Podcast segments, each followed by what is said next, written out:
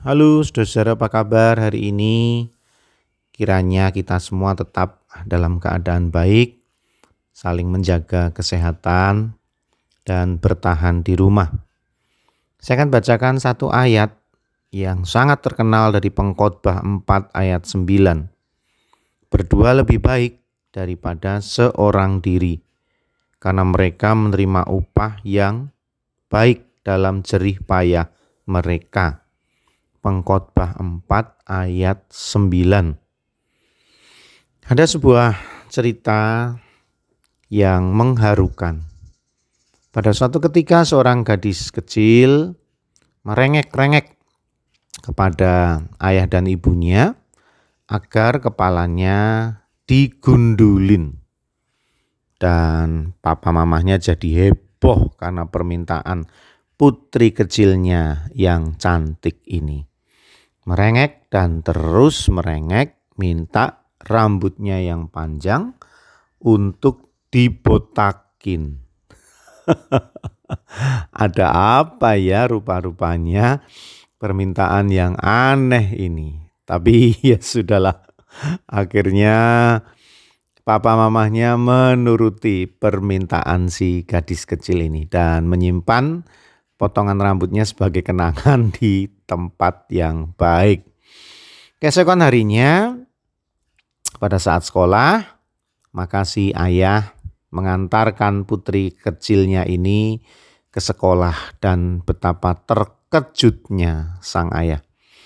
Karena banyak dilihatnya teman-teman sekolah putrinya ini juga bot dan sambil terpengong-pengong lalu sang ayah berbincang dengan beberapa orang tua murid yang lain dan mereka mendapat informasi rupa-rupanya salah satu siswi terkena kanker leukemia dan dalam proses pengobatannya dia harus kehilangan rambutnya.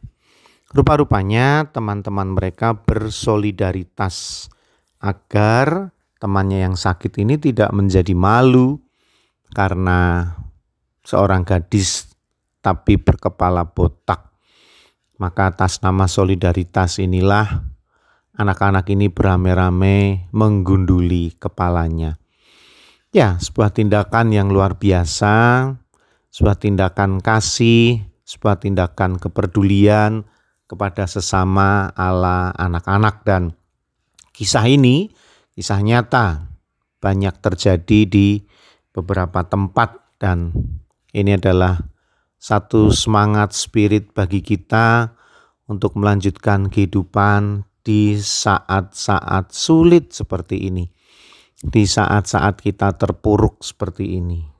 Kita mesti diyakinkan bahwa kita tidak sendirian yang sakit, yang dirawat di rumah, yang isolasi mandiri, ataupun karena kondisinya memburuk, harus membutuhkan donor darah, konvalensi, dan berbagai macam kondisi. Bahkan berturut-turutan kita melaksanakan pemakaman.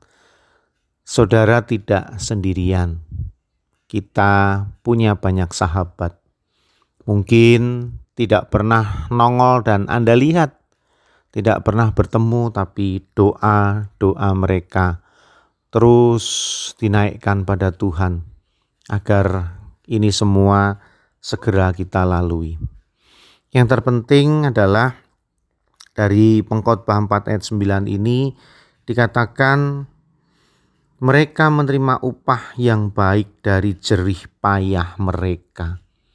Iya, berdua lebih baik. Mengapa? Karena berdua menghasilkan yang lebih baik pula. Berdua bekerja sama, bersama-sama akan mendapatkan upah atau hasil yang pasti jauh lebih baik.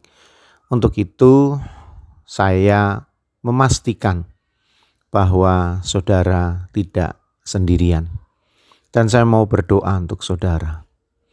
Tuhan, di antara kami sedang terpuruk karena ekonomi. Di antara kami sedang kelelahan karena merawat yang sakit.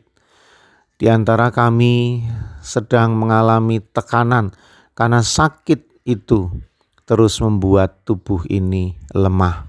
Di antara kami bahkan harus duduk sejenak meratapi anggota keluarganya yang tidak tertolong lagi, dan pemakaman harus dilaksanakan. Tuhan kami dalam keadaan terpuruk, kami lelah, tidak saja tubuh kami, tapi juga pikiran kami. Yang betul-betul kami butuhkan adalah kehadiran seorang teman, sahabat. Mungkin kami tidak bisa bertemu secara langsung, tapi kami yakin ada doa-doa yang dilantunkan untuk mengurangi beban pergumulan kami ini. Dan terutama, kami yakin Engkau tidak pernah meninggalkan kami. Engkau adalah sobat yang sejati. Dan utus kami Tuhan yang dalam keadaan baik, yang sehat, yang berkecukupan, yang tidak mengalami pergumulan untuk hadir sebagai sobat yang setia di kala duka, di kala sakit, di kala lemah dan tak berdaya, agar kami bisa saling menguatkan. Inilah doa kami di dalam nama Tuhan Yesus Kristus. Amin. Masih bersama dengan saya, Pendeta Yudi, dalam Renungan Emas. Esok masih ada solusi.